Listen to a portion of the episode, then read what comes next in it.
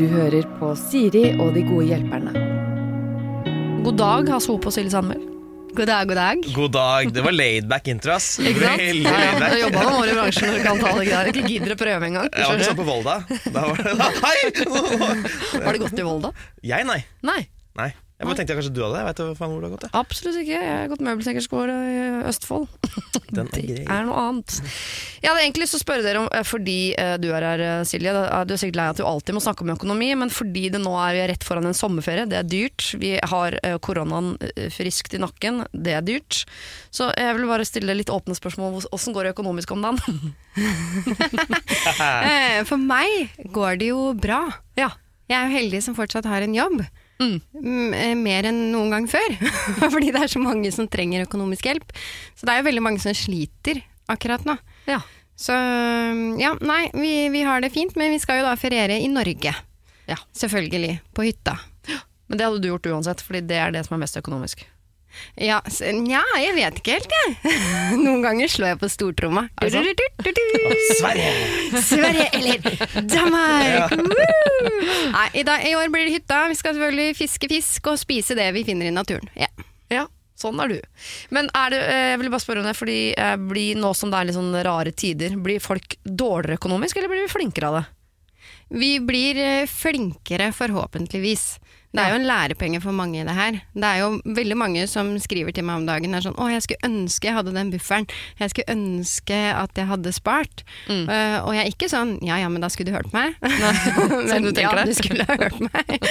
Nei, men uh, det er klart at uh, veldig ofte så er det sånn med livet at man må gå på en smell for å lære. Ja. Så møter vi en økonomisk krise igjen, så tror jeg at Norge og altså folk, Mm. folks privatøkonomi er mye mer rusta enn noen gang før. Ja. Her skal jeg lage en overgang. Har du gått på en smell, Hasse Hope? Se, ikke sant, nå er jeg på. Oh, ja, du, du, du, du Ja, tenker ja. generell smell? Det trenger ikke være økonomisk smell engang? Nei, det, altså, Nå fikk jeg veldig lyst til å høre om de andre som du driver tenker på, men la oss ta den økonomiske.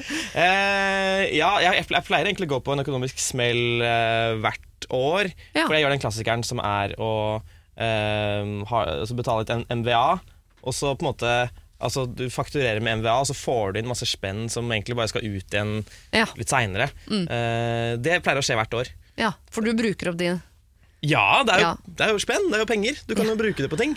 Og nå brenner jeg inne med et spørsmål, da. Ja, ja. Siden, uh, siden momsen nå er utsatt, har du da Jeg har et lurt blikk i ansiktet nå.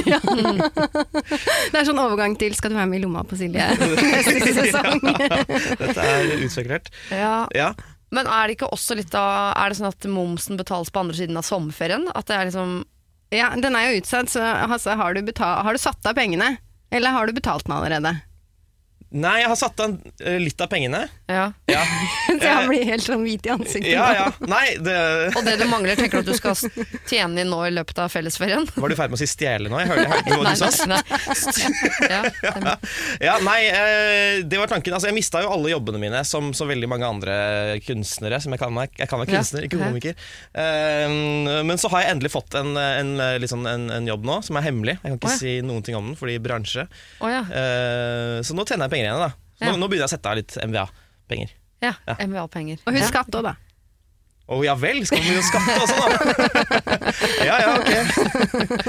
Stadig noen som går på den smellen der. Det er jo fascinerende. Ja, ok, Men dere, dere er ved godt mot, syns jeg det høres ut som. Ja.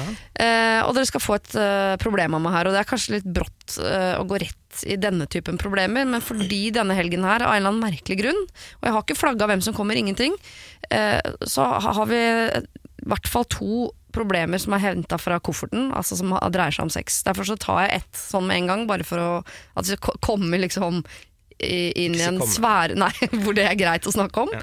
Derfor så får dere det her og nå. Hei, Siri og hjelperne. Tatt bort gode her, faktisk, så her trenger dere ikke å levere i det hele tatt. Bare slapp helt av.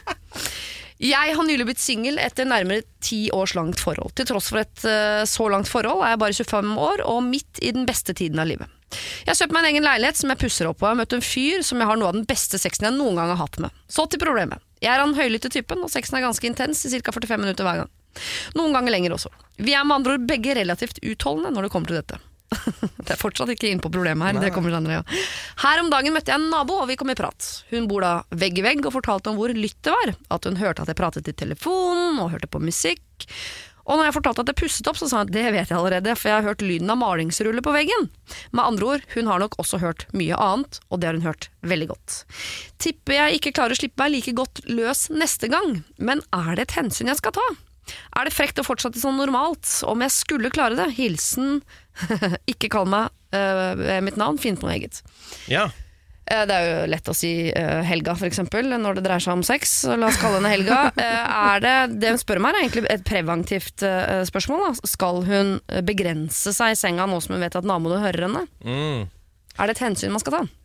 Altså jeg, jeg tenker at eh, man skal ta hensyn til absolutt alle lyder man lager som en god nabo, bortsett fra de seksuelle lydene. Fordi? Det er, der har man faktisk et frikort. Eh, Fordi man gjør noe som, eh, som vi er satt på jorden for å gjøre. eh, for å reprodusere, ikke sant. Eh, og så videre. Og nei, altså jeg mener at akkurat liksom når det kommer til sex, så må man bare lukke øra, ta på seg noe hode- hørselsvern og la det stå til. Ja. Fordi jeg bare tenker på hvem, Når det er høylytt, da, og noen hører det, hvem er det det er flaut for? Det er jo, av en eller annen merkelig grunn så er det jo flauere for den som hører, enn den som lager lyden. Ja.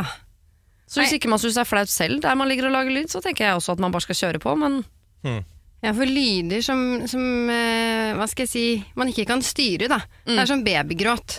Altså, du kan jo gråte babyen, og hun får den ikke til å stoppe. Så må du jo, ikke sant, hva skal du gjøre?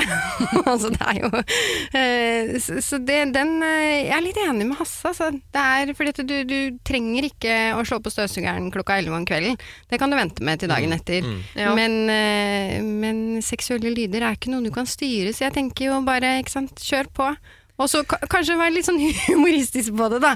Og kjøp noen sånne ørepropper til naboen. Og bare sånn, ja, her, har du, her har du et prevensjonsmiddel, på en måte. Ja. Ja. Så sånn, så jeg har bestilt noe sexleketøy på nett og fikk med et par øreplugger. Vil du ha? ja, for eksempel. Ja. ja, men apropos når du sier at man trenger jo ikke å støvsuge klokka 11. Fordi jeg tenkte sånn, Det er jo nettopp det man kan, på en eller annen måte. At man, ehm, at man legger noe white noise oppå stønninga. Sånn at det blir litt mer sånn Sånn som jeg skrur på vasken når jeg tisser osv. Så, videre. så ser jeg for meg at jeg kunne jo bare lagt støvsugeren ved siden av senga i 45 minutter mens jeg lå og, og lagde annen lyd ved siden av. Bare for å, å kamuflere det litt. ja. Ja, ville, du, ville det overdøve Altså, ja, nei, jo, jo, absolutt. Skru på høy musikk, kjør på. Ja. Ja, men, Ja, men Problemet der er at naboer har mye lavere terskel for å klage på all annen lyd. Det er egentlig bare sexlyder jeg føler at ingen nabo tør å si noe om. Altså, det er, eh, hvis du støvsuger eller slår inn en hammer Slår en spiker med en hammer Ja. klokka tre på natta, så får du jo klager. ja. Med god grunn. Ja, det er Ja. sant, det er sånn sett er stønning et frikort for at man kan faktisk plage naboen uten å noen gang bli konfrontert med det, for det er for flaut for folk. Ja, så Egentlig burde du tenke motsatt. At Hvis du, hvis du virkelig trenger å slå inn den spikeren for å henge opp det bildet mitt på natta, ha Gjør det noen sexlyder ved siden av som overdøver det, så vil du aldri få klager. Det var lurt! Ja. Ah, ja, ja. ja, fordi hun sier jo selv at hun får dårligere sex hvis hun ikke får utløp for følelsene sine. Ja. Så det tenker jeg jo ikke er verdt det, da. Mm. Nei. Men 45 minutter, det må jeg si. Ja, Det var bra. Det er ganske bra. Ja. Men, eh, men eh, er det sånn at hun må, må det skje på natta? Altså, var det sånn at hun ikke kunne gjøre det på dagtid? Hva var greia der? Nei, det står det ikke noe om. Jeg tipper at hun gjør det når hun har 45 minutter til disposisjon. Når det måtte være på døgnet. Ja, storefri, ja, ikke sant? Ja, Ja. storefri for eksempel. Eh, nei, men Legg det før eh, folk legger seg, da. Altså, Sett det til klokka sju når folk uansett sitter i stuen og ser på Dagsrevyen. Ja. Fordi dette er jo 1991, så folk sitter fortsatt og Jeg ser bare sånn Ok, Det høres ut som du har fått litt sånn eh, carte blanche her for å, å lage de lydene i 45 minutter når det måtte passe deg. Det er et slags frikort. så Jeg syns du skal bruke det mer, gjøre det oftere og gjøre det samtidig som annen plagsom lyd foregår. Oppussingen av den slags. I hvert fall så lenge dette ikke er flaut for deg. Det er jo bare flaut for naboen. tenker vi, Kjør på. Det er derfor du er satt her til jorda. Du skal reprodusere. Selv om jeg tror ikke det er akkurat det hun har i tankene. Der hun ligger. For å være helt ærlig. Vi skal ta et uh, mer praktisk uh, uh, problem. Ja.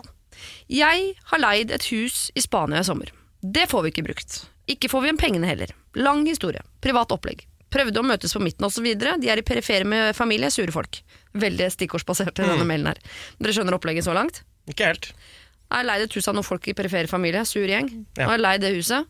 Får ikke brukt det, for man kommer seg ikke til Spania. Greit. Så ja, vi har jo betalt for dette huset, da, som skal stå tomt i ti dager i begynnelsen av juli. og vi har spurt om vi kan framleie det.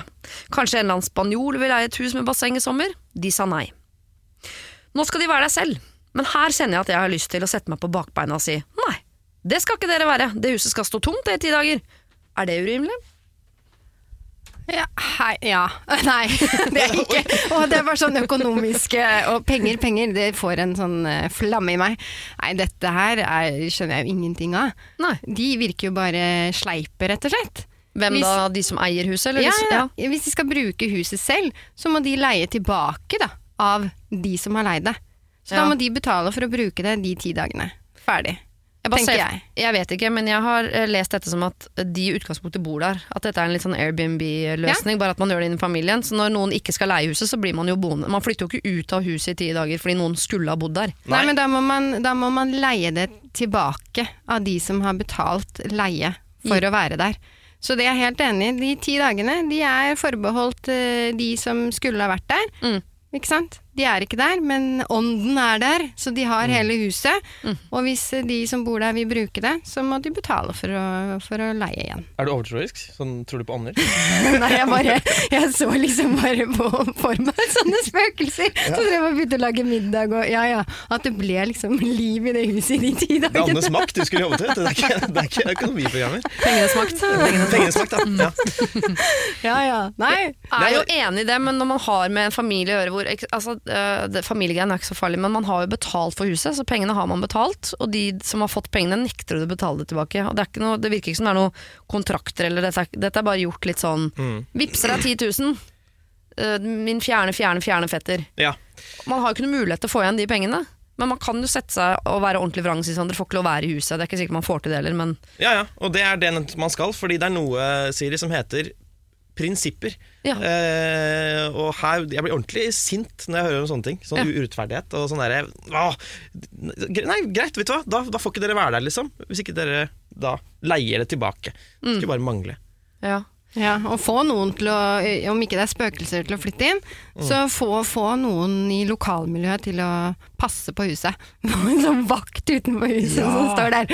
Hvis du skal komme inn, så må du betale. Og så regner du ut av hvor mye det blir per dag. Ja. 4000. I dag er det tirsdag. Ja, Ja. Og så gir man de 20% Ja, de og da spanske sys, du vaktene. sysselsetter den spanske økonomien. Altså, det er jo vinn-vinn. I know. Ja. En, det hørtes ut som en stor rigg eh, på mange måter. Man må i hvert fall leie inn mellom, en slags megler på dette også, som skal ha 10 da, jo, ja, Men prinsippet er der. Uh, jeg, bare, uh, jeg, jeg er helt enig, jeg, får også, jeg blir irritert på dette, men samtidig så har jeg også har jeg en sånn stemme bak i hodet mitt som sier sånn Ok, så de folka i Spania de er skikkelig kjipe folk som ikke gir igjen pengene. Så derfor skal dere også være skikkelig kjipe folk som sier da får dere ikke bo der. Så istedenfor at vi har én kjip familie i i Spania, så har vi nå en kjip familie i Spania og en kjip familie i Norge. Og verden ble dobbelt så ille som den var for bare noen uker siden. Nei, fordi da lærer de ingenting. Altså, De må lære at det vi, det vi har foreslått nå, er helt feil. Ja, Og Hvis du da lar, lar det skje, så går de videre i livet og tror at sånn funker verden. Og jeg er såpass prinsippfast at det vil ikke jeg. Jeg vet alle drittsekker skal få lære at de er drittsekker. Ja. Mm. Jeg er glad i prinsipper, altså, men det står ofte i veien for gode løsninger, for å være helt ærlig. Jeg tror ikke den familien er helt ærlig i Spania. De har sikkert ikke sant, fått de 10 000, brukt opp på gøy og moro. Ja. Og, og nå så må de bo på gata, hvis ikke de får lov å bo i huset. Ja, Så det kan jo være, hvis man skal være ikke den kjipe tilbake, Mm. så er det litt sånn å høre, men hva er grunnen? Hva, hva, hvorfor? For få noen årsaker, da. Det har jeg lært. ikke sant? Det er sånn man skal snakke med barna sine også. Som finner alltid, det er alltid en årsak baki der. ja, ja. Så prøv å få fram den årsaken, og hvis man virker forståelsesfull, så kanskje de snur litt på flisa. Ja. Og sier at ja, ja, takk for at du forstår, da får dere tilbake halvparten, eller kan vi ha en nedbetalingsplan? Ja, nedbetalingsplan, vet du. Nå, det er lurt. Ja, skinner i øya til Silje. Ja, ikke sant? Så sier vi ja, kan dere betale tilbake 1500 kroner i måneden? Ja. Det er der, det er der, ja. Eller hva med å si sånn, ok det var jo synd det der med at vi har leid huset og vi får ikke vært der og men kanskje vi da har ti dager til gode neste år når flytrafikken åpner igjen. Da kan vel vi bo i huset deres i ti dager? der, At vi bare utsetter Ikke sant. der er det god. Er en ny løsning. Her kommer vi med alternativer. Vi ble, vi ble litt sure i begynnelsen, Ja, merker jeg. ja, ja. Men var da kan, sånn. også, man kan man til og med være raus og si sånn, men da betaler vi jo uh, 100 joner ekstra i døgnet fordi altså, økonomien har sikkert forandret seg innen den tid. Disse kan, tingene Ja, kan ikke jeg. inflasjon og nei, noe inflasjons... Ja, ja. Bare sleng ut noen sånne ord. Tre, trenger, ikke, trenger ikke å være så, så raus. Men det syns jeg var et godt forslag. Ja. Ja, Prøve å være først forståelsesfull, Mm. og hvis ikke det går, så setter du den vakta utenfor. Mm. Og Ja. krever inngangspenger. Ja. Så Utsett hele oppholdet, eller leie inn en lokal spanjol som trenger å sysselsettes mm. som vakt utenfor, som skal ha ca. 20 av det han klarer å, å, å innkassere i leie av de som faktisk bor der. Ja. Kjemperigg, jeg liker det så godt. ok, vi skal til dette vanskelige skillet mellom det å være venner og det å være noe mer. Eh, En som heter, eh, eller som vil bli kalt for Oda, som skriver inn. Hei, jeg er en jente på 22 år, og jeg har en kompis, en god kompis, som jeg har ansett som en av mine nærmeste på guttesida i flere år. Kall han Jens. Vi henger ganske sjelden, men vi snapper og har kontakt hver eneste dag, og de få gangene vi møtes er det alltid veldig hyggelig og supergøy. Problemet er at jeg er veldig sikker på at han har følelser for meg, og i eh, nærmere fire år vil jeg tro. Han er veldig sjenert, så han har aldri ø, handlet på dette, men jeg fikk bekreftet hypotesen min da det kom fram i beruset tilstand for et års tid siden. Og han ø, ville gjerne begynne å henge som noe mer enn venner. Det snakket jeg bare bort, for jeg merker at det var noe jeg ikke helt klarte å forholde meg til. Det har også vært tilfeller hvor han har forlatt et utested, eksempel, hvis han har sett meg prate eller danse med andre gutter. Jeg merker det på han hele tiden.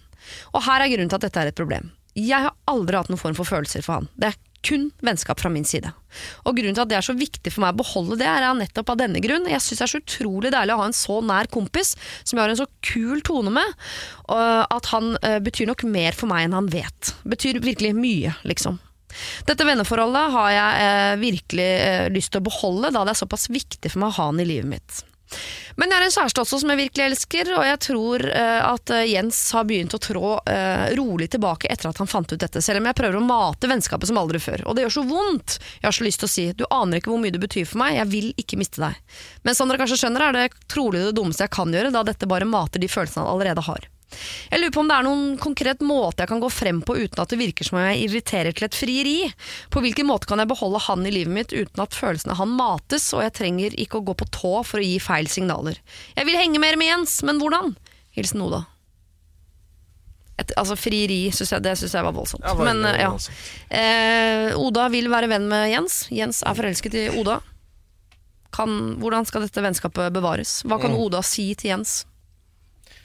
Dette tapper inn i noen vonde følelser, merker jeg. Dette er sånn øh, flashbacks til øh, da jeg var 18, da jeg var 22, da jeg var 27. Jeg har vært i den situasjonen. Har du vært Jens? Jeg har vært Jens, ja. Ja. ja. Eh, og det er jo det er en forferdelig følelse når, liksom, når du har de følelsene der. Og det, altså, så, så da jeg beskriver det med utested, og, sånn, og så ser du at hun danser det, Åh, fy fader, altså. Ja. Blir gæren. Ja. Um, er han så mye hyggeligere enn meg, Anna? ja, ikke Hva er det han er som ikke er det? Ja, så mye snill, ja, ikke sant? Uh, og, så jeg, liksom, det, det jeg har alltid tenkt da, er at da trenger man liksom, da, da er det, i hvert fall, det var viktig for meg da å liksom gå liksom cold turkey fra, fra den dama og få henne på avstand en viss periode, da, om det var en måned eller et halvt år eller hva det skulle være. Men jeg tror det er vanskelig å liksom jeg synes det er vanskelig å liksom bryte de følelsene hvis jeg fortsetter å ha kontakt med den personen. Da. For Ja. da blir hele tiden påminnet hvor bra den personen er. Ja. Uh, ja. Men hvem skal ta initiativ til denne cold turkey-prosessen? Jeg tror ikke han kommer til å gjøre det, fordi han er så forelska. Så jeg tror det må være Oda. Og det vil være vondt, fordi hun vil ha han i livet sitt. Men det er, jeg tror in the long run, da. Hvis du skal ha han som en venn hele livet. ja. Skal du bruke mye sånn engelsk uttrykk? eh? Har jeg gjort det? Har, har jeg gjort det? Ja, var det, var det femte gangen jeg gjorde det nå? Cold turkey og long run. Jo, men skal hun si at det er det det er? Så nå, treng, nå er jeg den voksne parten her som sier at vi to trenger litt avstand fra hverandre fordi du er forelsket i meg. Så nå skal du få litt tid for deg selv. Skal man ta den, eller skal man øh, Fordi da hadde jeg blitt veldig lei meg sånn Å, jeg skal, nå, det var veldig så maktbalansekjør vi hadde gående her nå. Du skulle være så stor og voksen og si at jeg trenger en pause fra deg, stakkars lille meg. Men at vi kan bli venner igjen om et halvt år når jeg har kommet over Ja, men det, Gud. det virker som om hun eh, lager veldig mange historier i hodet sitt, da, Ja. uten å få ting bekreftet. Altså det er veldig sånn jeg tenker hva om hvis jeg sier så tror han at jeg skal fri. Ja. Eh, Så hun tror jo veldig mye uten å vite egentlig noe som helst. Ja. Så jeg tenker jo hvis man er virkelig venner, Så nå må du arrestere meg, da, Hasope. Okay, okay. Hvis vi, ikke sant? Nå later vi som det er oss to. Ja, ja, ja. ja. Og så Det har vi sier alltid. jeg Men er det, ikke, er det ikke mye bedre hvis jeg da hadde sagt til deg sånn uh, Hør nå her. Du er en veldig god venn. Mm. Uh, jeg er glad i deg som venn. Jeg har aldri hatt noen følelse for deg. Jeg, jeg vil ikke noe mer. Jeg har en kjæreste jeg er glad i, men, men jeg har lyst til å bevare vennskapet. Hvordan er det for deg? Er, er det mulig for deg, eller, eller, eller hva tenker du? Og så må jo da Hasse, ikke sant? da må jo du si hva du føler. Ja. Da må jo han Jens, var det Jens? Ja. Eh, da må jo han si ok, ja det går fint, eller nei, jeg trenger å da ha en pause fra deg. Et Ja. halvt år eller et eller annet sånt for å få skrelt det av meg. Men hun må jo ta initiativet. Ja. Fordi for alt, eh, alt eh, vi vet, så går jo hun og mater han, fordi hun aldri sier at 'jeg har ikke følelser for deg'. Antageligvis gjør hun det gjør man jo ubevisst hele tiden, fordi man er eh, Jeg prøver bare å være hyggelig. Så tenker man sånn, ja, men hyggelig, Når du er hyggelig mot han, så tenker jeg sånn Herre, hun liker meg jo egentlig. Det er bare, jeg vet ikke Ja. hva det er, jeg vet ikke hvorfor vi ikke er sammen, for hun er veldig hyggelig. Men det er et eller annet. Ja. Men når du har vært da veldig forelsket i en jente, hvis hun hadde sagt til deg, Hasse, disse tingene, hadde du klart å tolke For når man er forelsket, så tolker man alle signaler i retning av at du er litt forelsket i meg òg, ikke sant? Innerst inne. Mm. Kunne du ha tolket det dit hen at hun vil ha meg? Jeg hører hun sier at hun vil ha avstand, at hun har kjæreste. Så lenge det er 10-15% sjanse for at uh, det kan bety at det kan bli oss, så ville jeg nok fortsatt Jeg, jeg, jeg, jeg trenger streng beskjed, liksom. Ja, hvor tydelig må man bli? Du var klar, men jeg er sjuk i huet! Jo, men du smilte, og du var søt. Ikke sant? Det er noen noen ja, ting der som man bare sånn ja, men, øh, ja, jeg tror man kan finne de 10 okay. som gjør at det holder forelskelsen i live. Da må jeg bare si 'Hasse, jeg har ikke følelser for deg, men jeg vil være vennen din'. Er det greit? Takk Var for det at du sier- bedre? Ja, det var, det var kjempebra. Ja. Var litt, jeg smilte ikke. Jo, Nei, du smilte du smilte med Jeg har øynene. litt. Jeg, det, jeg prøver å finne et landskap hvor det er nok, Fordi man skal ikke gå all over og si sånn Jeg blir kvalm av å tenke på at vi skulle ha kyssa, for jeg syns du er frastøtende. Ja, ja. Men jeg syns du er veldig grei. Ja, men man kan si Du, det kommer aldri Aldri, aldri til å bli deg og meg Selv om jeg digger deg Det Mm. kommer aldri til å skje Aldri Ja, det var, Nei. det var, det Du må, var. ha, du må ha den, ikke sant? Hamre det inn Ja. eh, Og så kan den personen Så kan Jens grine eh, Så lenge han trenger Mm. Og så kan han bli ferdig med henne Kanskje finne seg en annen dame Så kan de beholde vennskapet sitt Ja. Men Oda må bare åh, ta det steget ass ja. Fordi Jens klarer ikke det Nei. Og da du hører hva du har å gjøre, dette klarer ikke Jens. Du skal gi noen tydelige beskjeder. Du kan godt være hyggelig, men vær litt forsiktig med det òg. Ja. Men, ja, men finn et eller annet som ikke er hyggelig, men heller ikke slemt. I det, det bitte lille landskapet som ligger mellom der, der må du befinne deg. Så må du ta denne praten med Jens, for Jens kommer aldri til å ingeniere en sånn type prat, så den må du ta, sånn at han kan ta en liten cold turkey, som er jo det aller, aller beste in the long run. Så jeg er veldig fnisete i dag, jeg beklager. Nå skal vi snakke om sex igjen. Har dere Oi. fått uh, liten pause fra sist? Ja, ja, ja, ja. Mer sex. Mer sex Ja, det er akkurat det som er problemet her. Hei. Etter mange år som singel møtte jeg endelig den perfekte fyren for et halvt år siden. Jeg ble hodestups forelsket, og alt er perfekt. Nesten. Kjæresten min er nemlig ikke så opptatt av sex. Dette ble veldig tydelig etter noen måneder, da vi tilbringer mye mer tid sammen. Vi har sex, god sex, men ikke hver dag. Jeg er nyforelsket og glad i sex, jeg vil naturligvis ha det hele tiden. Det fører til mye avvisninger fra han, som gjør meg usikker og trist. Han sier da at jeg er teit og furter, og at det er ikke hans feil, at han ikke er like sexgal som meg. Er det greit? Han vil ikke engang prøve for min skyld. Og det er ikke det at han ikke blir hard, for jeg tar på han og prøver desperat å få han gira. Da blir han hard, men vil likevel ikke ha sex, og tar heller ikke på meg tilbake. Jeg blir seksuelt frustrert, og selvtilliten min blir ødelagt når jeg blir avvist. Og det er ikke sånn det skal være et nytt forhold mellom to unge, friske personer i 20-åra. Jeg burde kanskje ikke finne meg eh, i at han ikke vil, ha, eh, vil gi meg den kjærligheten jeg ønsker. Problemet er bare at jeg elsker han enda høyere enn livet selv, og jeg er livredd for å miste han. Jeg har prøvd å snakke med han om dette, men han hater å snakke om følelser og sier bare at jeg er tydeligvis ikke fornøyd med at han er bare sånn han er, og det kan ikke han gjøre noe med. Derfor er jeg redd for å ta det opp, for jeg er redd for at han bare skal bli sint og tro det handler om at jeg ikke er fornøyd med sexen. Så hva skal jeg gjøre da? Jeg vil jo helst at han skal bli mer glad i sex, og jeg vet ikke om det er noen måte å endre det på. Jeg er villig til å prøve alt, men det hjelper lite når han ikke vil prøve noe. Syns alt mulig er ekkelt og sier at han ikke liker å bli sugd engang. Jeg vil jo kun forhøre, forføre kjæresten min og bruke sex for både nytelse og belønning, og gjerne for å få det som jeg vil. Men i dette forholdet er det eh, han som bruker det på meg et par ganger i uka når han gidder, og det liker jeg ikke. Bør jeg finne meg i det? Er det jeg som er sexgal? Kan jeg endre han? Hva kan jeg si for at det eh, ikke høres sint og furt ut? Jeg håper dere kan gjøre meg klokere, for han er forvirret selv. Så kommer et PS jeg tror dere vil ha. PS. Jeg spurte om han blir sår på tissen, og jeg kjøpte en glidemiddel for å gjøre det bedre, men det vil han ikke bruke. Jeg har kjøpt penisring, den vil han ikke bruke. Han, øh, jeg har prøvd å få han til å ta mer på meg, det vil han ikke. Men som sagt, sagt når vi Det er ikke noe saks engang, bare så det er sagt. Men som sagt, når vi har sex, er det veldig godt, altså. Og øh, det virker som han også syns det. Med vennlig hilsen sexgal. Hun sier selv at hun er sexgal. Ja. Så ja, nei, altså. Denne var jo litt eh, hard. Å nei, du dust, den skulle jeg ta! Eh, ja, men kanskje han har funnet litt sånn oppskriften på For det er jo eh, noen ganger sånn hvis man er sånn Nei, nei, jeg vil ikke. Så vil man bare ha mer. Altså at eh, han, han på en måte Skjønner du? Hvis han gir henne den sexen hele tiden, Mm. Så, så kanskje han er redd for at hun skal gå lei? Nei, jeg vet ikke. Om man har en slags strategi, eller om man bare ikke har så Han har Ja. ikke lyst på sex så mye som henne, da. Folk er jo forskjellige, Jeg kan for all del. jeg kan røpe at hvis vi gutter Altså hvis man er gira, så klarer man ikke å, å bare si sånn Nei, nå skal jeg være strategisk. Det går ikke. Nei. Eh, tenker jeg, da. Men eh, Er det, ikke veldig, det er jo veldig lett for jenter å tenke sånn Når øh, kjelleren er klar, så er jo også loftet med, på en måte. Hvis dere skjønner bildene mine. Åh, Ja, ja, det bildet, ja. er guttene et loft? Er Nei, hodet, hodet er loftet! Tissene Tissen er hard, Tissen men er hodet sier nei. Ja, ikke sant? Det vil en jente tenke sånn Det stemmer jo ikke. Du er jo, jeg Jo, jo. ser jo at du er klar. Du står jo rett i vers. Men det, gutter har vel, dere har vel følelser og tanker som dere har- også? Det er ikke bare mekanikk. Nei, det er mye mekanikk, altså. Men Ja. eh, nei, vi har det, absolutt det. Eh, og det er en sånn sår greie, liksom. Fordi det er kjipt for begge parter. Det er kjipt for hun som vil ha det, og det er kjipt for han å måtte være prippen og si nei. Mm. Eh, For du mener at det er prippen, ikke sant? Ja, det, er, altså, det var et ord jeg brukte, men oss, ja, jeg kan godt være litt kontroversiell. Ja, det er å være prippen. Um, og så er det jo sånn, jeg vet ikke om det kanskje, kanskje det er en fordom, da, med at det oftere kanskje er andre veien. Uh, det må nesten dere svare på. Eh, men uh, det er uansett liksom Folk er bygget forskjellig, og han trenger kanskje ikke sex like ofte.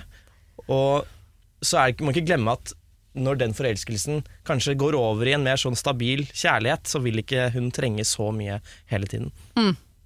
Ja, for jeg, jeg, jeg er helt Altså, De har helt åpenbart forskjellig appetitt på sex, og sånn er det bare. Og Da kan man si sånn, ok, da er det ikke seksuelt kompatible, øh, men kan man allikevel Ser dere for deg at de kan være sammen når de har så forskjellig appetitt på sex, eller har det så mye å si?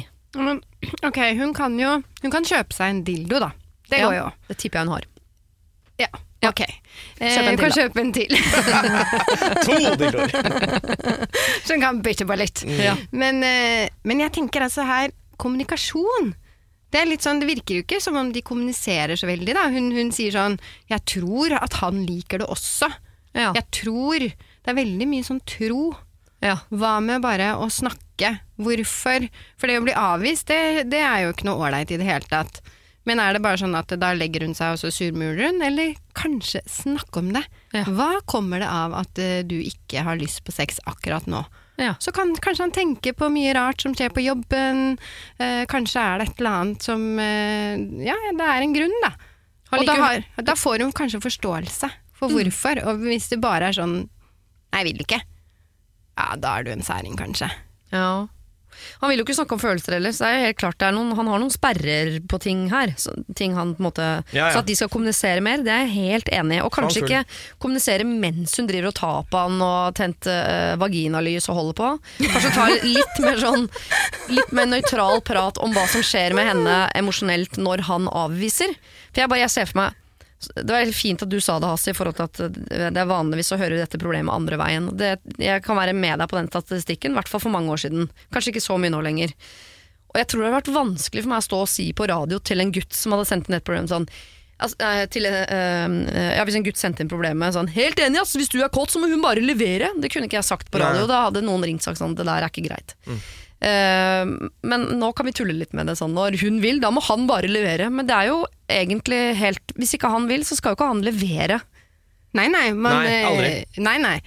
Det skal han ikke. Men, eh, men igjen, bare å få en grunn, tenker jeg. Ja. For da slipper hun å føle på de derre Å, det, det er meg. Det er jo ikke Det er jo ofte Altså, han gjør jo ikke dette mot henne. Han gjør det jo for seg selv, sikkert, fordi at han har et eller annet greier. Ja. Så det handler jo sjelden om den andre parten. Det handler jo veldig ofte om seg selv. At man da ikke har lyst, eller at det er et eller annet, man er stressa.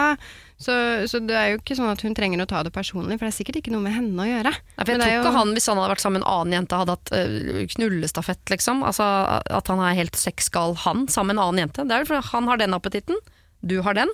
Kanskje han har noen sperrer dere kan snakke om. Og kanskje de på et eller annet tidspunkt kan møte Jeg mener, Akkurat den seksuelle tingen kan de jo fikse. Dildo er nevnt. Men det er den følelsesmessige biten av det som er vanskelig. At hun føler seg avvist, føler ikke at han liker henne. Det er noe gærent med meg når du sier nei. Så vi får vel løst opp i de tingene der.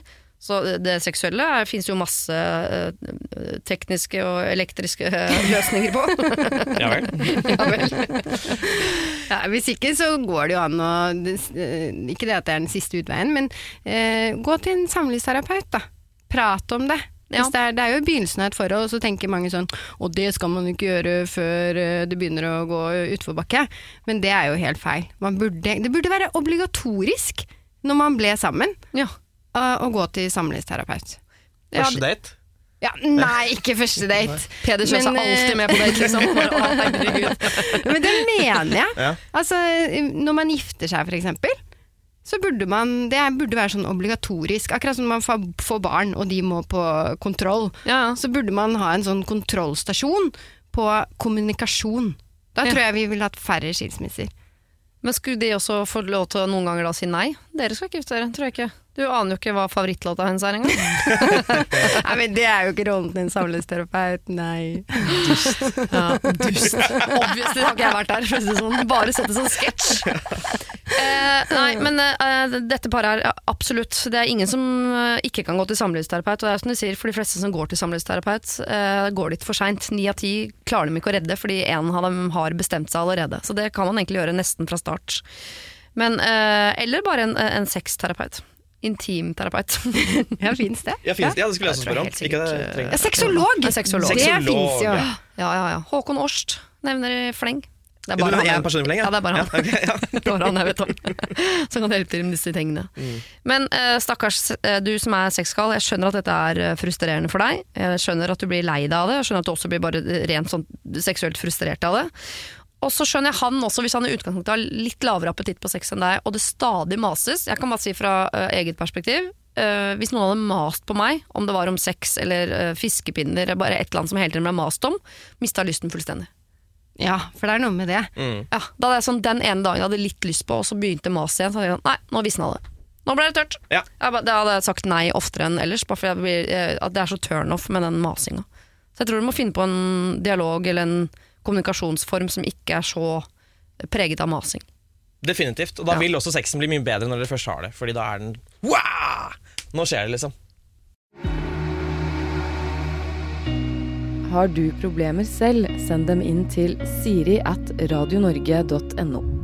Vi skal eh, hjelpe et søskenpar som ikke har så godt forhold, men eh, vil gjerne ha det. Om det er noen eh, triks noen av dere har i ermet på det. Jeg skal lese mailen. Hei, Siri og de gode hjelperne. Jeg og søsteren min har et ganske dårlig forhold, noe som preger oss og resten av familien. Jeg er 17, søsteren min er 20. Vi bor begge hjemme, og søsteren min sliter litt med angst og depresjoner osv., men jeg sliter bare med det som normale ungdommer sliter med, altså ikke noe ille. Noen dager sier vi bare hei til hverandre, andre dager ser vi hverandre ikke engang. Men mitt største ønske er at vi i hvert fall kan komme overens, kunne snakke om overfladiske ting uten å kjenne på en anspennelse. Før var vi begge bestevenner og lekte alltid sammen, men nå sitter det langt inne og bare hilser på hverandre. Har dere noen gode råd eller tanker om hvordan jeg og søsteren min kan komme bedre overens, og ikke kjenne på at det alltid er slitsomt å være rundt hverandre? Dette er et ganske stort problem for alle oss i familien. Dere kan finne på navn selv. Oi, det er slitsomt for alle i familien å Ja. være rundt hverandre. Ja. Oi, det hørtes trist ut. Ja, veldig. Og de er jo eh, bare 17 og 20, da, så det er jo lett for voksne å si sånn, da må du sette ned og ta en ordentlig prat. Jeg vet ikke hvordan, jeg tror ikke jeg dreiv med det da jeg var 17. Åh. Hun virker moden, da. Det, det er 17-åringen som skriver her, er det ikke det? Jo. Ja, du er moden. Uh, Bertine. Vi skulle finne på navn selv. Ja ja, da har du funnet på det ene. Da kan Tenk du, om hun ja. det. Oi, sorry i så fall, Bertine. Du heter ikke Bertine. Vil du finne på det andre, Silje? Eh, Klara. Klara og Bertine. Ja. Ja. Bertine 17, hva skal hun gjøre? Vi blir bedre kjent med Klara. Må jo begynne i det små, tenker jeg i hvert fall. Fordi det er som du sier, det er liksom vanskelig å ta sånne store prater når man er såpass ung, og hun Klara har en del issues så, som kanskje gjør det enda verre. Men liksom begynne med sånne enkle ting. Sånn, eh, for eksempel hvis hun Klara liker å, å se på High School Musical. La oss si det. Ja, Ja. Det, det bærer preg av min alder at jeg tror at det er det man ser på nå. Eh, Hun på og, 20. ja, ja, Zac Efron han holder seg godt, han. Uh, nei, men også Kanskje man begynner der, på et eller annet man bonder litt, og så når dere begynner å kanskje kunne si mer enn tre ord av gangen, så kan man kanskje begynne å nærme seg et eller annet. Da. Men jeg tror ikke man skal liksom gå sånn bang! Rett på praten. Nei, ikke rett på sånn oval weekend på spa, du og jeg skal snakke om følelser. Det blir kanskje litt voldsomt. Ja. Ja, Som man ville gjort med en venninne, eller hvis man var i 40-åra og noe hadde skåret seg. For det må jo ha skjedd noe her. Hvis de har vært bestevenner, nå bor de i samme hus, kan så vidt si hei til hverandre. Man er jo nysgjerrig på hva det er, og jeg skjønner at øh, øh, hun på 17, har jeg glemt hva hun heter, Bertine Bertine, ja. Eh, at hun ikke tar opp det, for det er en ganske sånn tøff ting å gjøre. Men at det er vanskelig for hele familien, at ikke en mor eller en far kommer inn og på en måte prøver å finne ut av hva det er som har skjedd her. Barna våre sier ikke hei til hverandre lenger. Det er vel en mamma-pappa-oppgave, eller? Uh, ja, både og, da. Men jeg, det er jo det. Men, uh, men jeg tenker jo, altså når man er små, så er, så er det sånn Det er jo i livet happy-go-lucky, og man leker og tuller og tøyser. Men så kommer man til et punkt hvor ja, Altså, jeg vil jo tenke når, eh, når da Klara var eh, 14, Mm. og, og lille Bertine ikke sant, bare var 11, Mm. da var det ikke så kult å leke sammen. For da er det to helt vidt forskjellige interesser, og da glir man litt sånn fra hverandre i den perioden der. Ja. Men så er det jo, det husker jeg med broren min òg. Altså, det var jo ikke så kult for han å leke med meg når han var begynt å gå på byen og uhu.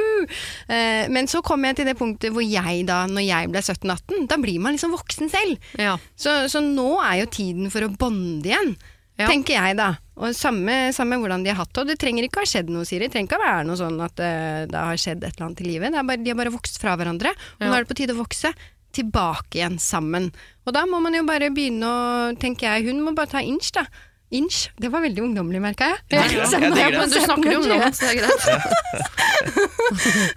ja, ta initiativet og begynne å prate. Hvordan har dagen din vært? Altså, det er jo ikke sånn at man kan forvente at folk hilser hvis man ikke hilser først. Sånn er jo livet. Altså, man må smile hvis man skal få et smil tilbake. Ja. Men man kan ikke forvente så veldig mye av andre. Man må jo starte sjøl. Ja. Så, så kan du prøve å finne på noe, da. Skal du være med og bade i dag? Mm. Ja. High Ja, bare det, er eller så en high school musical. ja, eh. Eh, bare det er nok sikkert godt for Bertine å høre at det trenger ikke ha skjedd noe engang, men det er klart at eh, at Klara har, har jo noen issues som Bertine ikke har. Hvis hun sliter med angst og depresjoner. også. det kan nok hende at hverdagen til Klara er litt vanskeligere enn hverdagen til Bertine.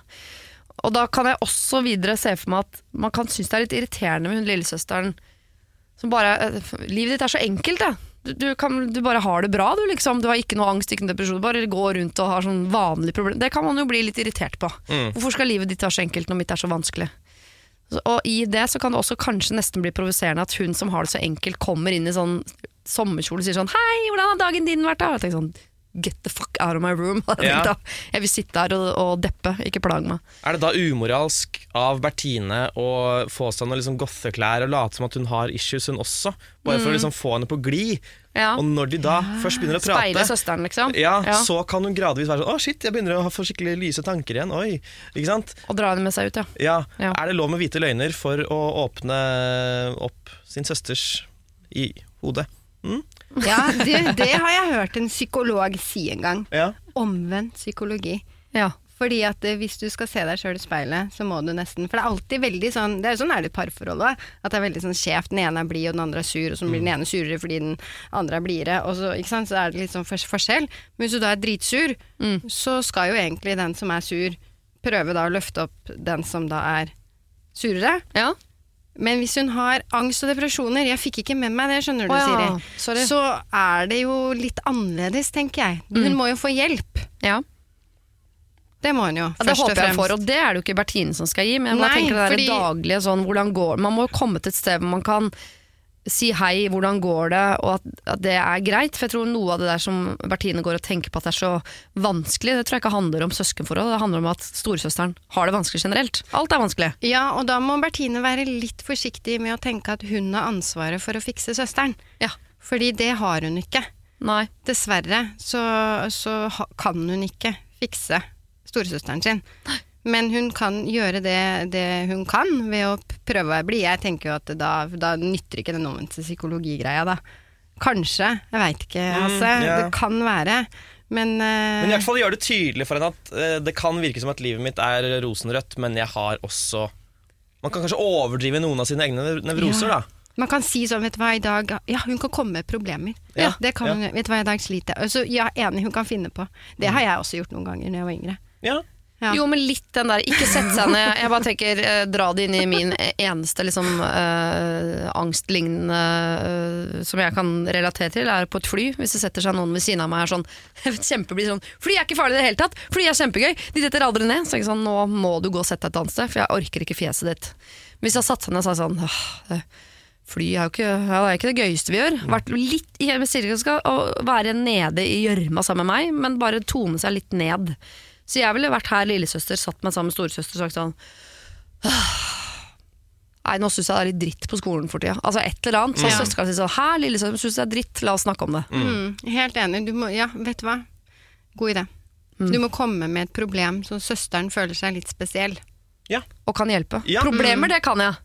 Ikke sant? Ja. Ikke sant? Og så kan hun begynne å gi det tilbake etter hvert som søsteren blir komfortabel med det. Ja. Dette er ett av mange uh, grep du kan ta. Det er det, det er det beste vi kommer opp med, uh, Bertine. Kanskje du skal prøve sånn smått. Ikke sånn veldig, ikke oval Viken på spa, men sett deg ned sammen med søsteren din. Ikke vær sånn sprudlende irriterende blid, bare møte henne sånn litt på halvveien. Og husk at det er du som må ta initiativet i forhold til henne, for det er ikke sikkert hun orker i det hele tatt. Og så håper vi uh, at hun får hjelp av noen andre enn deg. For dette er ikke ditt problem å bære. Her må noen andre hjelpe til, og det kan du ta med mamma og pappa, og så må de ta det videre dit man tar de tingene der. Vi skal til noe som eh, Dette fordrer egentlig at dere har eh, sett en TV-serie på NRK. Hmm, Oi, jeg ser ikke så mye på TV. Nei. Har du sett Normal People? jeg visste det. Du visste det, ja. Ja, det er det folk snakker om om om Ja, jeg vet det. Har ikke sett det, men fader heller. Ingen av dere har sett. Nei, da skal Jeg forklare Jeg har i hvert fall sett, så jeg kan forklare litt hva det går Ja. i. Men jeg leser problemet først. Sorry, men har dere sett Normal People på NRK? Starter mailen. Den serien har ødelagt meg. At jeg kunne være så dum. Jeg har verdens snilleste kjæreste. Vi har alt på stell. Men etter den serien har jeg blitt spinnvill. Jeg går konstant og ser etter menn jeg tror kan ta meg med dit. Altså Hele kroppen min skriker etter den typen kjærlighet. Skal jeg oppsøke dette, eller blir vi min lest? Altså Skal jeg ut, så må det skje nå, før vi begynner å formere oss. La meg forklare. Jeg skjønner dette problemet veldig godt, selv om for min del er det for seint. Jeg kommer meg ikke ut, jeg har formert meg. Sånn er det bare. to unge mennesker som elsker hverandre så mye at, de, de, at verden er ikke skapt for at de to skal være sammen. De, klar, de klarer ikke å la være. Så i smug, i årevis, gjennom den ene fasen etter den andre, den ene alderen, den ene byen, den ene utdannelsen etter den andre, så er det de to alltid. Det er alltid større, alltid mer lidenskapelig enn alt annet.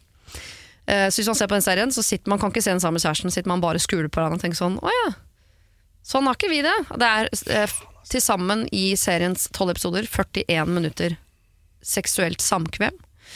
Eh, Og de har visst hatt intimveiledning for å få Og det er, det er noe av det vakreste jeg har sett i hele mitt liv. Det er uh, husmorporno for kropp og sjel. Åh. Men Hva sa eh, du det het, sa du? normal, normal people. Se deg alene. Søk på Pornhub på normal people. Mann og barn har sovnet. Det er sånn Fifty Shades of Grey. Ja. Ja, bare, uh, bare at det er uh, ordentlig, liksom. Det er ikke noe tull. Det er ikke noe, trenger ikke noe gaffateip og noe stemmejern og greier. de. Men uh, eh, problemet her er jo at man, man lever med en mann man elsker, som man tenker sånn dette er jo fint, og så ser man helt sånn crazy, spinnvill kjærlighet som kanskje bare fins på film. Man har sett Romeo og Julie, liksom. Det er Romeo og Julie, bare i nåtid. Mm. Og så tenker man, fins det greiene der? Det vil jeg ha. Skal man gå dit? Skal man lete etter det, eller er det utopisk? Oi, hei. Uff, åh, ja. hei. Jeg ser på Hasse, Hasse ser på meg. Ja, men Hasse, du er jo en litt sånn søkende type i kjærligheten. Hva lette hadde du, Ja vel. vil du tenke sånn, jeg vil bare ha en som jeg kan ha det sånn hyggelig sammen, ha masse hverdag sammen med, eller leter du fortsatt etter hun som er sånn, du, du klarer ikke å se opp ned på verdenskartet, liksom, når hun er i nærheten? Jeg vil ha det i ca. et år før hverdagen setter inn. Ja, okay. Jeg vil ha den intense syke perioden der. Eh, men man kan ikke forvente at det skal bare vare. Nå vet ikke jeg hvor lenge disse gærningene, eh, disse sexgærne folka i Normal People eh, er gira på hverandre, men Årevis. ja, jeg, for meg må det i hvert fall starte der, da. Ja. Og så kan du ikke forvente at det fortsetter. Uh, og det er jo det som er litt sånn urettferdig, at hvis man har vært i forhold i 5-10-20, kanskje til og med 70 år, da, Ja. når man ser denne serien, så kan du ikke forvente at det dere har, skal være det samme som det. For det der er jo tydeligvis da en to unge virile mennesker som nettopp har møtt altså som er i forelskelsesfasen. da Ja, ja.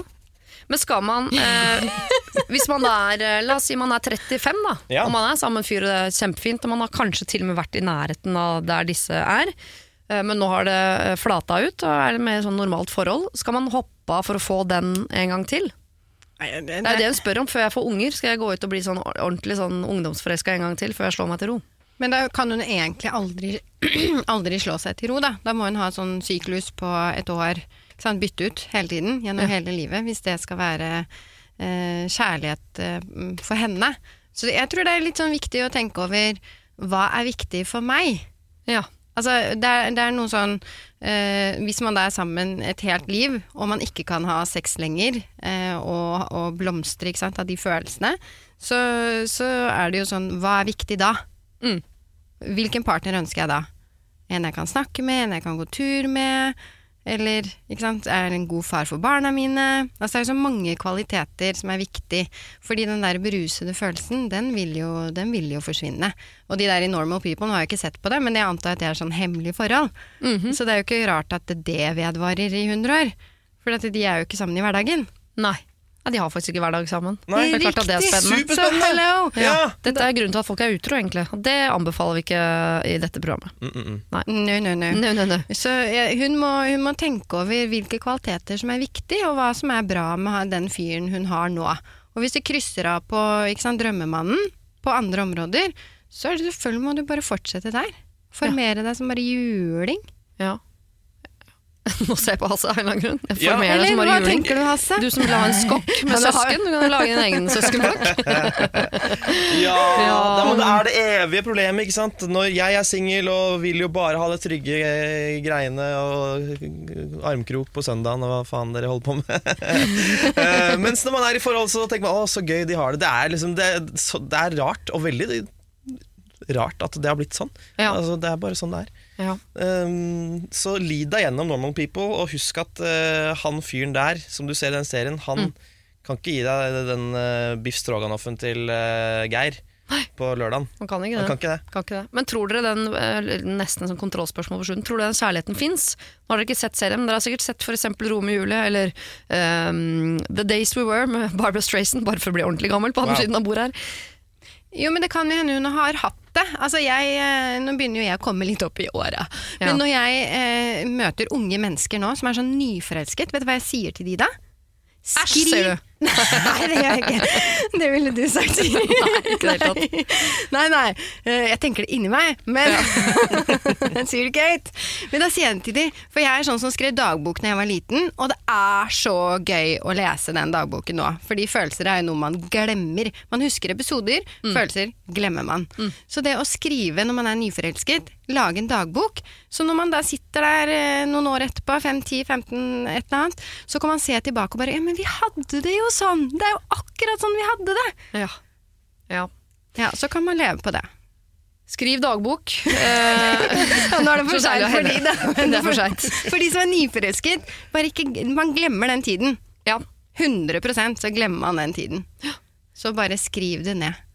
Det høres ikke ut som noen her mener at du skal gå ut av det forholdet du er i for å lete etter menn som kan gi deg den følelsen. I så fall må du gjøre det hele tiden, for den følelsen er ikke noe som varer. Så da blir det en sånn som å bytte kjæreste en gang i året, og det blir også trist på et eller annet tidspunkt. Så vi tenker at du skal være der du er, og så får du se den serien en gang til, eller finne på et eller annet som eh, spriter opp eh, følelseslivet ditt, men at du skal bli eh, ved din lest, var det det du skrev, det syns vi absolutt. Former deg som, hva du sa, som juling. Som juling. Ja, ja.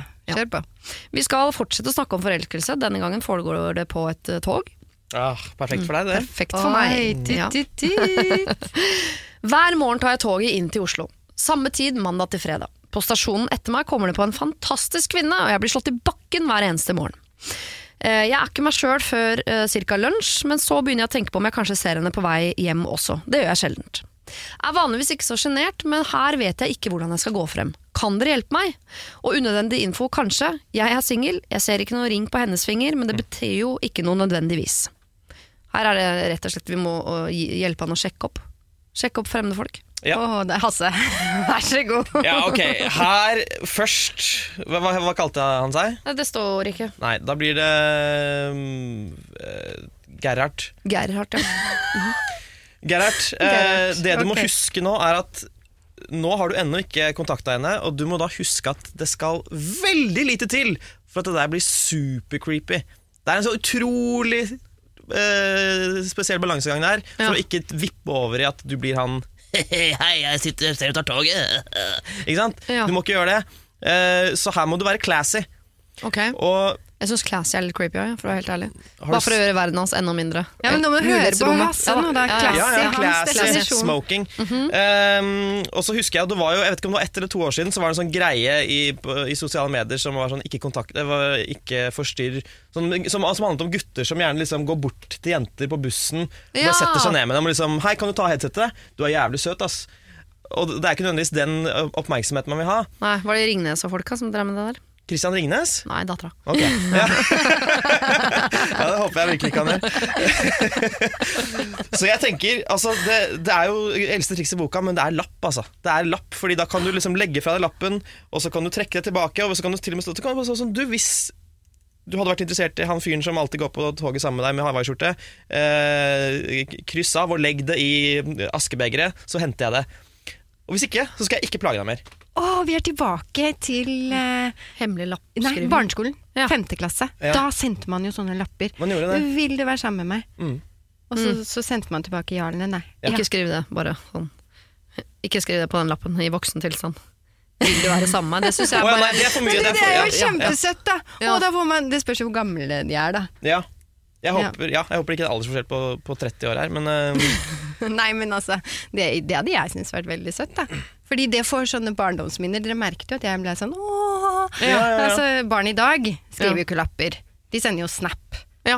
ikke sant? mm. Så, så jeg, altså hvis, du, hvis den, den dama er rundt 40, Mhm. så tenker jeg lapp er sjarmerende. Det er Veldig sjarmerende uansett alder, det. Ja, og det er ikke så invaderende. Nei, for Jeg syns det er så rart at man er så redd for å gi Hva, hva er det han er redd for? gi- Redd for å gi det komplimentet? Hva da? Tilfelle hun ikke liker det, så er han avvist? Har han tapt noe da? Eller, øh, eller er han redd for å være nettopp creepy? Eller er, hva er det han er redd for? Hvorfor, hvorfor kan han ikke gå bort og, og øh, ikke proklamere sine følelser? Det skjønner jeg blir voldsomt, men jeg syns nordmenn generelt er litt sånn eh, dårlig Dårlig, på å ja. sjekke. Det virker som de må vite at hun sier ja, før de spør. Ja, men det er sånn, hvis du får, hvis du får den avvisningen med en gang, da, Mm. så, så har du ikke en second chance.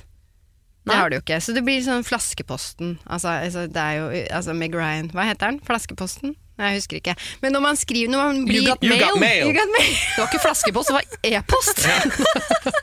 Ja, men ikke sant Når man blir eh, Altså når man finner kjæresten sin på nett i dag Så har man jo den derre sjansen Til å skrive fram og tilbake Og bli litt sånn kjent med hverandre Ja. Eller så går man jo på date med en gang Sikkert med Tinder Ikke vet jeg Men man, noen ganger så får man den sjansen Til å bli kjent før man får noe avvisning da Ja. eh, Så jeg har liksom sansen for de lappene egentlig altså. Mm. Det kan være litt sånn lappeutveksling først Mm. hvis man er av den sjenerte typen, da. Hvis ikke så må man selvfølgelig bare gønne på. Men jeg ville aldri, jeg ville aldri, jeg ville aldri synes det hadde vært noe ålreit hvis du kom bort til meg for eksempel, og sa sånn Hei, søta. Men det går an å være helt ærlig og si Du, jeg har sett deg komme på dette toget hver eneste dag nå, og jeg syns uh, du er virkelig flott. Du kunne ikke tenkt deg å ta en kaffe en dag? Hvem er det som Altså, jeg tenker Hvis noen har sagt det til meg, nesten uans... Ja, nå ljuger jeg litt, men eh, jeg tror jeg ofte vil tenke sånn Herregud, så hyggelig. Tatt det som et kompliment. Eh, og selvfølgelig, jeg ville jo da sagt eh, det høres veldig hyggelig ut, det kan jeg ikke, jeg har mann og barn. Men det er jo, det er jo utgangspunktet et kompliment, så jeg skjønner ikke hvorfor ikke man kan bare gi det komplimentet. Nei, nei, nei, nei, men det er nemlig det. Så jeg også ville jo da sagt nei, og så hadde han blitt ferdig med det, for da vet man jo at øh, man har kone, mann og barn. Ja. Men, men altså, ja. For jeg bare Nei, tenker jeg at jeg tror nok eh, det vil for mange da være en sånn umiddelbar reaksjon som er å si nei, fordi det er så utrolig voldsomt. da Ja. At uh, Si at han egentlig er en drithyggelig, kjekk eh, fyr, og hun kanskje hadde blitt med ham på date, men så Mm. får hun et spørsmål i fleisen, så er det sånn «Øh, øh, Nei, jeg er opptatt. Ja, jeg vet. Eh, mens hvis du får den lappen, så har du tid til å liksom Ja, han, ja! Mm. Ha! Kunne jeg, kunne jeg sett for meg han, meg meg og han på date? Ja, det kunne jeg. Ikke sant? Ja. Ja, jeg Eller så har de jo tid også fordi de ser hverandre på toget hver eneste dag. Så hvis han en dag sier sånn Jeg ser deg på toget hver dag. Jeg må bare si at du, eh, du er utrolig flink til å kle deg. Eller du har et fantastisk Du smiler med øynene, eller bare gitt et kompliment. Så er han planta et frø. venter en uke, og så kan man kanskje gå i en eller annen dialog, for vil da, hun vil jo da neste gang hun ser han, hilse på han. Jeg husker fortsatt jeg gikk ut av en Rema 1000 på Sankthanshaugen for jeg tipper det er 20 år siden, i hvert fall. eh, hvor en mann sa til meg på utsiden av Rema sa han sånn Du har et fantastisk smil, du burde smile oftere. Smilte veldig sjelden på den tida, men det kunne han umulig vite. og det, det komplimentet bærer jeg med meg den dag i dag. Det er over 20 år siden. Sånn, Så hyggelig! En mann bare sa det til meg på gata. Hadde jeg truffet han på Rema 1000 da dagen etter, så hadde jeg sagt sånn hei! Og tenkt sånn, for en fantastisk hyggelig fyr. Ja. Han var bare en mann med schæfer som sikkert skulle hjem til kona og ungene, men som bare ga et kompliment. Det var veldig hyggelig. Levde jeg på i årevis, fortsatt som dere hører. Får blodpumpa opp. Men jeg bare tenker, kan han ikke begynne med Han trenger ikke å gå rett på Jeg blir på date. Nei, nei. Kan du bare si noe hyggelig? Det er så få som sier hyggelige ting til hverandre. Man kan begynne å si noe hyggelig, men jeg liker det lappesystemet ditt. Altså, Jeg tror ikke du får oss vekk fra det, Siri. Nei, jeg, jeg synes det er så, Og så er det noe liksom mystisk og spennende med det. Ja. Så plutselig, så søtt, da, så begynner de å sende lapper til hverandre. Ja. Og så utveksler de, ikke sant, og så begynner de kanskje å snappe litt, og så Ja, nei, Ja, så det- ser det ut til Hæ? Ja for, det, Ja. for- det går jo an å bare begynne med disse lappene og være sånn Hei, hva, har, du, har du sett han ah, rare lokomotiv... Ikke si noe. Nei, Pass deg nå. Begynne å kødde om noe, da, og så kanskje gradvis. Altså Sender man lapper frem og tilbake, og så blir det en sånn greie, og så tar man steget. Let's go. Så legger hun merke til han og Nei, jeg syns det var veldig og, jeg, Nei, jeg likte det, altså. Greit. Dra, jeg blir med om bord. Jeg ser filmen foran meg, den er fin. Men for meg er det lappegreiene. Det er veldig gøy, men det er litt som når folk bruker hatt. Så jeg, tenker sånn, jeg liker ideen om det, men i praksis blir det rart. Det blir, altså, det blir for mye. Bukseseler, kjempe. Jeg skjønner ideen. Men det, ja, det funker på film. You got Ja. lapp. You got lapp. Ok, Vi skal eh, lage en spillefilm. Begynn med å utveksle lapper med denne vakre kvinnen om bord på dette toget. Og fortell oss hvordan det går. Da sender du mail altså inn til meg. Sier alfakrøllradionorge.no. Jeg skal dra stemninga litt ned, hvis det er greit for dere. Mhm. Jeg skal gifte meg i sommer. Ganske lite og intimt, med en god blanding av venner og familie. Jeg har et ekstremt anstrengt forhold til min familie, spesielt min mor, som har vært psykisk syk hele veien. Pluss litt alkohol, da, trøblete barndom og en ekstrem fasade. Vi kjenner ikke hverandre, og hun er invitert kun fordi det er sånn man gjør. Og jeg kan overse min mor, altså, det går fint, jeg har såpass mange fine, varme andre mennesker rundt meg. Men nå har det kommet meg for øre at hun skal holde tale. Det orker ikke jeg. At hun skal få oppmerksomhet i mitt bryllup og muligheten til å fremstille seg selv som en fin person, og samtidig snakke om meg i ordelag jeg antagelig ikke vil kjenne igjen.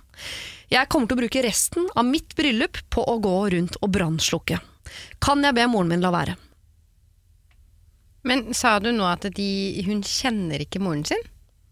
Nei, ikke så, De kjenner hverandre ikke sånn sett. Da. De har sikkert ikke et nært forhold som gjør at de eh, Ja, ja, men vet veldig sånn Da tenker jeg jo Men må man invitere hvis man ikke har et godt forhold, selv om det er mor og far? Jeg er redd det allerede er gjort. Ja, selvfølgelig. Det er allerede gjort, ja. Avinvitere sin mor, det er, da skal mor være Hitler, altså. For det første så tenker jeg at hun må lage noen sånne regler for den Ja. moren. Fordi sant, hun drikker mye, var det Ja. det du sa? Mhm. Det Så er- ikke noe alkohol. Fordi Nei. den talen kommer da til å bare ikke Altså den kommer til å vare òg, vet du. I det vide og det brede, og det kommer til å bli sagt veldig mye. Så hun har ikke lov å drikke alkohol, og det må, det må man snakke om på forhånd. Mm. Mhm. Ikke Folk- alkohol. Ja. Kan man legge noen flere retningslinjer på den talen? Hva den skal inneholde? Antall minutter. Det må være en sånn mm, veldig nazi toastmaster. Ja. Ja, tenker jeg. At eh, det, her er det sånn snakk om at eh, hvis man ikke sender inn talen på forhånd, så får man heller ikke holde tale. Nei. Ja ja, det er lov. Jeg har gjort det. Er det sant? ja. Jo, fordi I ditt bryllup, eller når Nei, du var nei, nei, toastmaster, ikke- eller hva? Eller har du blitt om, bedt om å sende inn talen din? Nei, men som toastmaster, det er en krevende jobb, altså. Ja. Men det er så slitsomt hvis det er en person, og jeg er jo sånn på tid. duk, duk, duk. Og hvis Ja. det er en som ikke sant, øh, Det tar halvtime istedenfor fem minutter, så har jeg ødelagt hele programmet for hele kvelden. Absolutt. Ja, ja, dere ser jeg fyrer meg opp. Oh, ja, ja, ikke veldig. Mm. Og Mm. derfor så må man sende inn talen på forhånd, så nå vet jeg at det ikke bare er sånn tale på stående fot. Fordi Ja. det varer. Og da kan hun jo også bare få lest gjennom den talen, kanskje. For å føle seg litt sånn betrygget. Ja. Hun kan si til moren sin sånn Dette vet jo ikke du om meg, mamma, men jeg er jo kontrollfrik, så du er nødt til å sende talen din til Nei, meg på forhånd'. nei, hun trenger ikke å bry seg. Dette Nei. er toastmasteren sin Ja. jobb. Så Ja. toastmaster tar den oppgaven. Åh, fy fader. Ja, den er ikke dum. Den er ikke dum. Eh, Minn meg på å aldri bli toastmaster igjen i mitt liv, hvis du får den oppgaven i fanget. Det Ja, er, enig, ass, slitsomt, det er en vanskelig Å, jeg trodde det bare skulle være hyggelig. ja. Jeg skal inn og megle mellom eh, Ja. Ja, ja. Ansetter du meg, så blir det sånn militært opplegg. ja. Jeg lanserer også muligheten for at moren kan få lov til å levere denne talen på tomannshånd. ja. Fordi da Det virker litt som at denne datteren kanskje ser for seg at denne talen kommer til å være mest sånn for show. At det er litt sånn 'Å, vi har alltid hatt et så godt forhold, du og jeg, og du er lille jenta mi'. At, at det, på en måte, det er jo det hun sier, da. At Ja. uh, det kommer til å komme masse floskler og sånn. Men hvis hun kanskje, kanskje kunne fått denne talen på tomannshånd, så kanskje det kunne kommet noe ekte ut av det også. Ja, Hvordan forklarer man det? Mamma, jeg vil at du skal holde den talen bare til meg, fordi Fordi du har vært en ræva mor. Å ja, ja, ok, ja, vi er der, ja. ja. Det, er det rom for å si det? For, kan, jeg, må, jeg må spørre om det. Kan hun be henne om å la være å holde tale? Jeg vil ikke at hun holder tale i bryllupet mitt, mamma. Ja, hun kan det òg. Det er hennes Ja. bryllup. Det er hun som bestemmer. Hun har invitert moren sin. Det er, en stor, det er bare det er stort, tenker jeg. Ja. Det er nok, det. Ja. ja. Og bare be om å ikke få tale. Og den hadde sittet langt inne hos meg, altså. Ja, men er det verdt det når du kan få ødelagt den store dagen din, da? Ja. Det er jo ikke det. Eller kan man bare se stort på og si sånn Ok, mamma er mamma. Sånn er hun. Hun kjenner ikke meg. Hun kommer til å si masse ting som jeg ikke kjenner meg igjen i. Eh, og stole på at de andre gjestene etter bryllupet, de kjenner jo meg. Så de vet jo at ikke jeg eh, elsker ponnier og softis og hva nå hun måtte legge fram i den talen som dine eh, egenskaper. Ja, men hvis du kjenner på det, og sånn som hun beskriver at dette kan eh, ødelegge dagen hennes, og hun vil tenke på det etterpå, bla, bla, bla, bla, Mm. Så, så virker det som om det er en sånn at hun stresser seg allerede nå Mm. oppover det. Så tenker jeg, ja. Det er det, Du kan si du, 'sorry, mamma', men, eh, men eh, du kan ikke holde tale. Ellers så kan du gi toastmasteren jobben der òg, Ja. og si at du beklager. Det er jo korona, vet du. Mm. I sommer og ja ja, koronaregler. På talerlista. Ja. ja. du er blitt strøket fra talerlista. Du meldte deg inn for sent, eller et eller annet sånt. Altså, jeg kunne jo sagt det. Ja, ja, ja. Ja. Ja, så din tremenning får holde talen, men ikke du. Det er bare rom for tre taler. Ja. Jo, Ja. men uh, ja. Nei, det spørs jo hvor mange som skal holde tale, da. Mm. Men det kan man jo faktisk. Fordi i rekkefølgen så er det jo uh, Ikke sant, man holder jo hver sin tale. Ja. Eh, Ektefellene holder tale, og så er det forloverne. Og så tror jeg det er eh, foreldrene. Er det ikke det? Ja, stemmer. Aner Ja, ikke. jeg burde kunne dette, da. Jeg skal gifte meg om bare noen uker, men jeg har skrevet eh, i invitasjonen eh, Hvis dere vil si noe, så gjør gjerne det, men husk at det er dørgende kjedelig for alle andre. Takk og pris! Og så har jeg ikke noe toastmaster. Så det er, uh, ryktet på byen er at ingen tør å si noen ting. Ah, Jeg, jeg ser på deg nå at det bare Silje, du kunne aldri vært min toastmaster. Men da hadde du sluppet alle sanger og alt mulig, da, hvis Ja, ja, ja. jeg hadde vært din toastmaster. Ja. For jeg er sånn nei, nei, nei. Ikke noe sånn pjatt. Det er ikke for seint. Hva skal du i slutten av. Men ok, eh, det høres ut som her, og jeg skjønner at det er lette råd eh, å gi fordi eh, man slipper å gjøre det selv, og det høres ut som du også slipper å gjøre selv, nemlig å gi denne beskjeden til din mor, for det skal toastmasteren din gjøre. Toastmasteren din skal enten be om å få se talen, det må nemlig alle, så trenger ikke alle det sammen, moren din må det. Eh, Kutte den betraktelig ned, eh, eller si at jeg beklager, det er ikke plass til din tale faktisk, for det er så mange andre som skal si noe, og ifølge regelboka, som helt sikkert finnes på biblioteket, så er brudens mor er altså på en 17. plass på talerlista, og det er det ikke tid til. Bruden har ønsket seg at det skal være short and sweet, eh, og da det er ikke plass. Beklager. Jeg vet at datteren din er veldig, veldig, veldig lei seg. Men det vet jo du som kjenner henne så godt. Noe sånt. Ok, det, å, nå ble plutselig den der, eh, rollen, toastmaster-rollen enda verre enn den har rykte på seg for å være fra før. At det er en vanskelig, kjip oppgave. Nå skal du også rydde opp en del familieforhold. Stakkars jævel. Tusen takk, Hasse og Silje, for at dere har gitt eh, masse god hjelp. Gode råd. Det skulle bare mangle, altså. Ja, jeg er helt enig i det, da. Og så håper jeg at dere får en fin eh, sommer. Takk. Med masse sol og penger. Hasse skal bade i penger. Jeg skal ha penger, jeg. Jeg skal spare penger. Ja. Kanskje, ja, du kan prøve å skaffe meg en Tesla i løpet av sommerferien, kanskje. hvis du. Ha det! Ha det! Det var det. Husk å sende ditt problem til siri at radionorge.no om du vil ha hjelp. Denne podkasten er produsert av Rubicon for Bauer.